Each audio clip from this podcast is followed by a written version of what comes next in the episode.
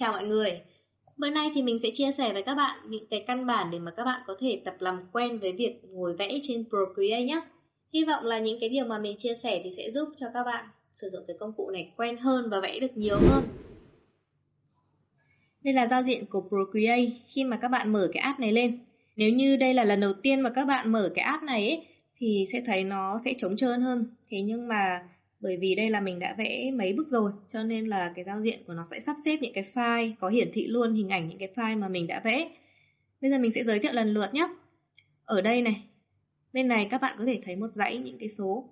Thì khi mà các bạn bấm select này thì nó mình sẽ tích được vào những cái mục mà mình muốn một là stack lại, tức là gom nó vào thành một cái group này.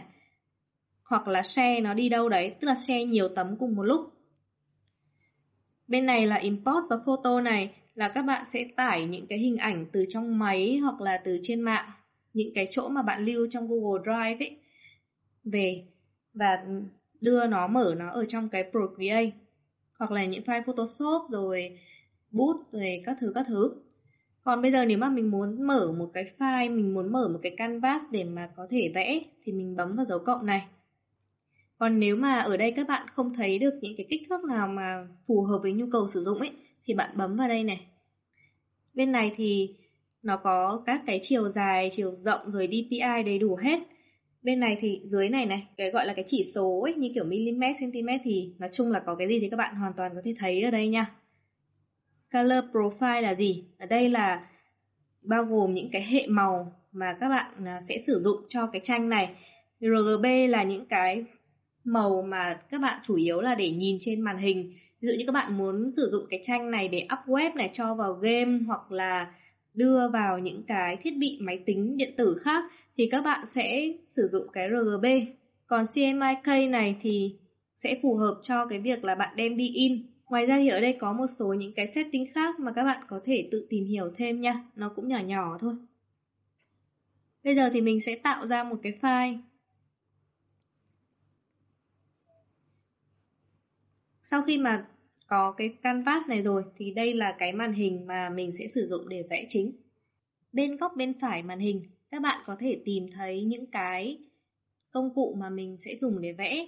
Ở đây là bút này, Smooth Tool và tẩy. Nếu như mà bạn chưa biết cái Smooth Tool là công cụ gì thì các bạn có thể tìm một cái clip cũ của mình đã chia sẻ về cái công cụ này rồi nhé.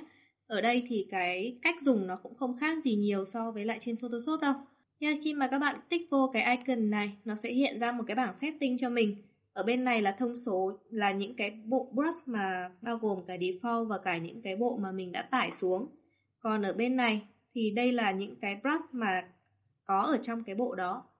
Nếu như các bạn bấm vào đây thì sẽ hiện ra cái bảng setting của brush. Cái này thì vì nó khá là dài cho nên là hiện nay mình sẽ không chia sẻ ở đây. Các bạn có thể tự tìm hiểu thêm nhé. Hoặc là mình sẽ làm thêm một cái clip nào khác để mà giới thiệu xem sau. Còn trong cái quá trình mà mình sử dụng thực ra mình rất ít động vào cái phần setting của cái bộ brush đó.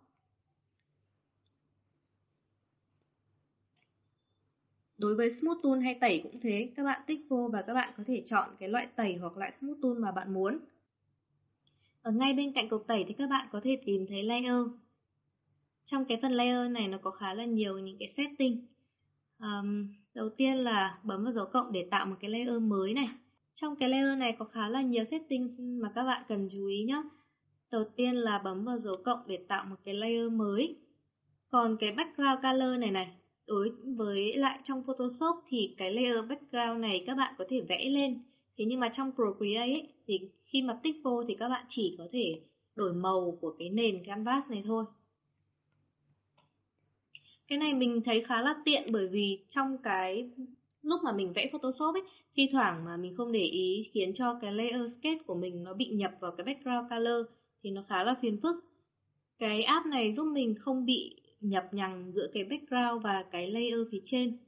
Bây giờ nhé các bạn tích vô đây này thì sẽ thấy hiện ra một cái bảng. Nói chung là cái tên nó đặt thì đã tương đối là rõ ràng nghĩa rồi.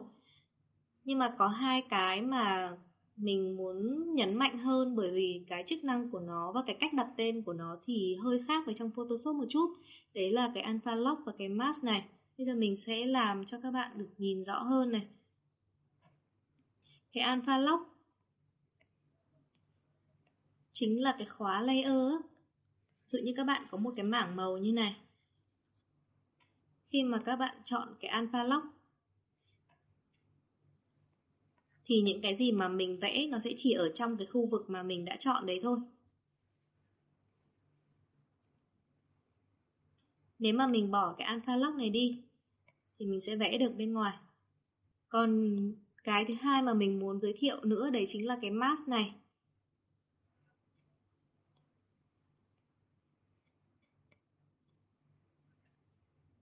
Mask này thì nó tương đương với cái công cụ mà nó tương đương với cái công cụ mask ở trong Photoshop ấy. Đấy là các bạn dùng màu đen để tẩy nó đi và dùng màu trắng để lấy lại cái hình đó.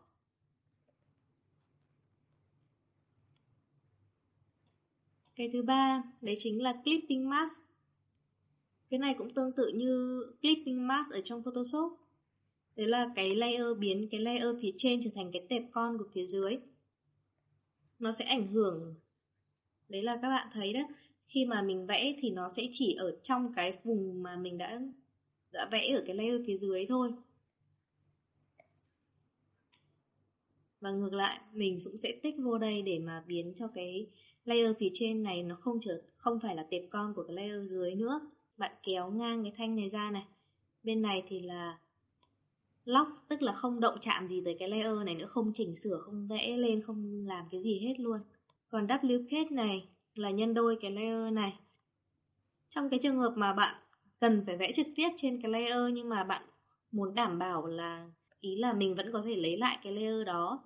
Ngoài ra thì các bạn có thể xóa cái layer đó đi.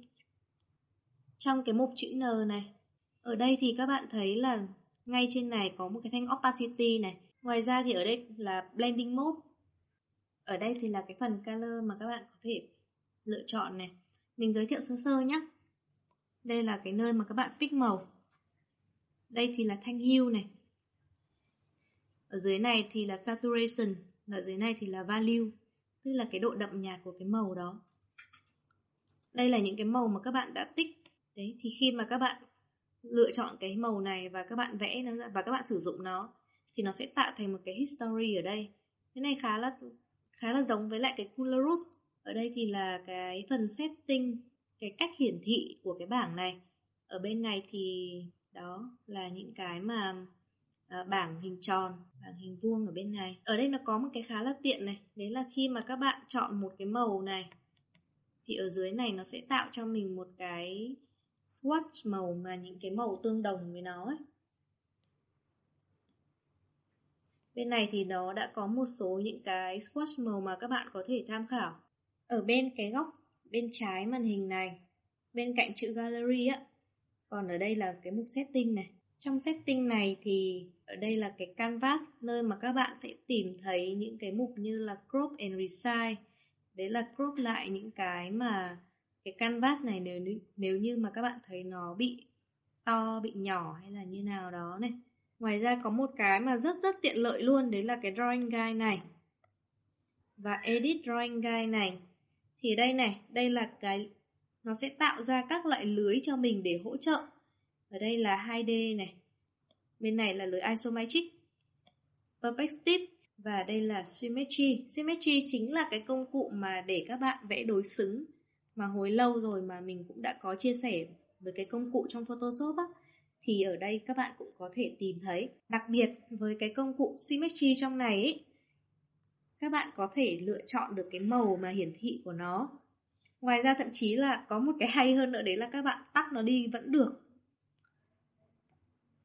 Các bạn tắt nó đi. Thì nó vẫn bật. Còn nếu như mà các bạn thực sự là muốn tắt đi và hoàn toàn không sử dụng nó nữa thì mình sẽ lại vào đây này. Bật cái này lên, Edit Drawing Guide và Option này. Cái Assistant Drawing này ấy, thì các bạn tắt nó đi. Và đăng này. Sau đó lại tắt một lần nữa ở đây. Thì mình sẽ tắt hoàn toàn cái công cụ Symmetry này đi. Ngoài ra ở đây thì là cái flip hình lại thì mà các bạn đã biết rồi đúng không? Share này là mình sẽ tải cái hình này lên, mình có thể là sử dụng những cái file như là Procreate này hoặc là xuất ra file BSD luôn cũng được hoặc là JPEG rồi PNG và những cái này thì các bạn có thể export nó đi sang email thẳng trực tiếp này hoặc là up trực tiếp lên Facebook, Twitter rồi Instagram, uh, YouTube nữa. Uhm, nói chung là khá là đầy đủ và rất là tiện lợi. Video này thì ở đây sẽ ghi lại cái quá trình mà các bạn đã vẽ lên trên cái canvas này.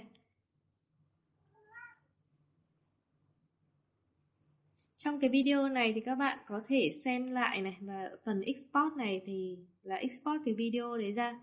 Một là các bạn có thể xuất ra hoặc là lưu về máy. Trong cái prefers này thì đây có thể nói như là một cái mục mà các bạn sẽ chỉnh setting những cái thao tác mà mình sẽ sử dụng ở trong cái Procreate này. Đầu tiên thì cái phần line interface này ấy, đấy là đổi cái giao diện nó về cái giao diện trắng này. Cái này thì tùy vào những cái thói quen của các bạn thôi. Còn right hand này thì là, ở đây các bạn thấy nếu như mà mình để cái giao diện này thì đây là cái mục mà mình sẽ chọn brush và cái opacity của brush này. Nếu như mà mình bấm vào cái right hand này này thì đó, cái thanh này nó sẽ chuyển về bên này. Cái này chắc là sẽ phù hợp với những cái người mà có thói quen sử dụng mà tay chính là tay trái ấy. Ok, những cái phần này thì các bạn có thể xem sơ sơ để mà điều chỉnh nhá. Nhưng mà có một cái mà mình đặc biệt muốn nhấn mạnh trong cái mục Prefers này mà các bạn nên biết đấy là chính là cái Gesture Controls này. Ở đây này, các bạn có thể vào cái phần General và điều chỉnh lại một số những cái chức năng mà gọi là tắt hoặc là mở một số những cái chức năng mà mình không sử dụng ở trong cái quá trình vẽ trên Procreate mà nó có thể ảnh hưởng đến thao tác sử dụng của các bạn. Trong số đó ví dụ như là cái uh, Disable Touch Action này, khi mà mình có cái bút này rồi, mình không cần phải vẽ bằng ngón tay ấy, thì mình sẽ tắt cái đấy đi bởi vì trong một vài cái trường hợp lúc mà các bạn ờ, các bạn vừa vẽ bút nhưng mà cái phần tay này của mình nó tì lên và khiến cho cái hình vẽ của mình nó bị ảnh hưởng nó sẽ thêm một số những cái nét brush mà mình nhiều khi mình không để ý đâu. Sau đó thì mình thấy là nó bị lem nhem hoặc là nó nó làm cho cái bút của mình nó không bị, nó không có cảm giác kiểu nhảy do tay của mình nó cũng bị tì vào này. Ở dưới này, chính là chỉnh cái thao tác mà các bạn có thể dùng hai ngón tay để mà xoay cái màn hình này. Ngoài ra thì có rất là nhiều những cái khác ở đây nữa, các bạn có thể tự tham khảo thêm để mà tính, tinh chỉnh lại cái thói quen sử dụng của các bạn cho nó phù hợp nhé. Ở ngay bên cạnh cái phần setting, vẫn bên khu vực bên trái này thì các bạn có thể tìm thấy đây là nơi mà có những cái phần tương đối là giống filter ở bên um, Photoshop. Trên này thì có opacity này, rồi các cái blur, sharpen, noise, rồi có cả liquify nữa. Các bạn chỉnh để mà xê dịch cái hình ấy. Ngay phía dưới này thì là chỉnh color balance này, hue này, giống nó tương tự với lại Ctrl U và Ctrl M đó. Ctrl à, L nữa. Bên này thì là cái lasso tool khoanh vùng chọn lasso tool ở bên này thì mình thấy nó có một cái nó bị, vẫn còn không được tiện lắm. Đấy là mình sẽ rất là khó để mà gọi là ép thêm hoặc là trừ một cái khu vực nào mà mình không muốn.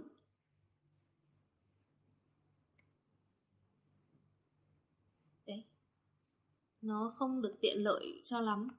Nhưng mà ngược lại, nó lại có một cái hay, đấy là nếu như mà các bạn vẽ nửa chừng này, sau đó mình nhấc bút lên, mình vẫn có thể vẽ tiếp được ở đây. Nếu như mà bạn muốn tạo cái lasso, một, những cái hình vuông hoặc hình tròn thì các bạn sẽ nhấn vào đây nha. Còn đây là move tool này. Khi mà bạn đã có một cái vùng chọn này thì các bạn có thể di chuyển cái vùng chọn đấy ra ngoài.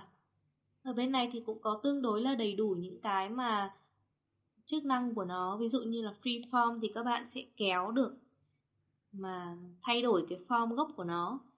Còn uniform thì là co kéo như thế nào đi chăng nữa thì nó sẽ chỉ scale tỷ lệ đều thôi. Graph này thì kéo từng point á. Lật ngang, lật dọc, lật 45 độ các thứ các thứ các bạn có thể thấy hết ở ngay cái bảng dưới này nha. Ok, đấy là cái phần setting mà tương đối đầy đủ để mà các bạn có thể sử dụng ở trên cái Procreate này để mà có thể vẽ. Hy vọng là những cái chia sẻ của mình thì sẽ giúp các bạn làm quen được với cái công cụ này hơn. Vì mình thấy đây là một cái công cụ rất rất là tiện và những cái mà mình đã giới thiệu với các bạn từ nãy tới giờ.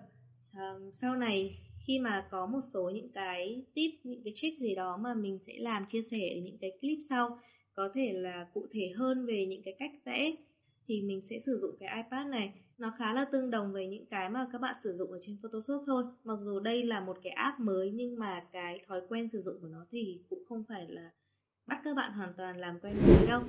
Yeah. hy vọng là những cái chia sẻ của mình thì sẽ giúp các bạn làm quen được với cái công cụ này hơn vì mình thấy đây là một cái công cụ rất rất là tiện.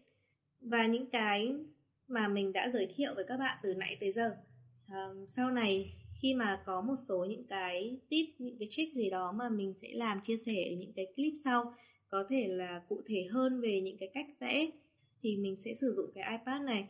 Cho nên là hãy chịu khó một chút nha. Còn bây giờ thì bye bye các bạn. Yeah Hello